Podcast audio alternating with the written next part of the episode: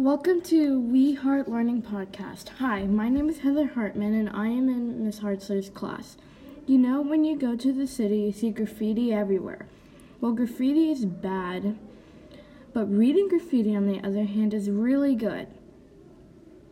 We do it in Miss Hartzler's class. Reading graffiti is when you take really good sayings from books and put it on poster paper.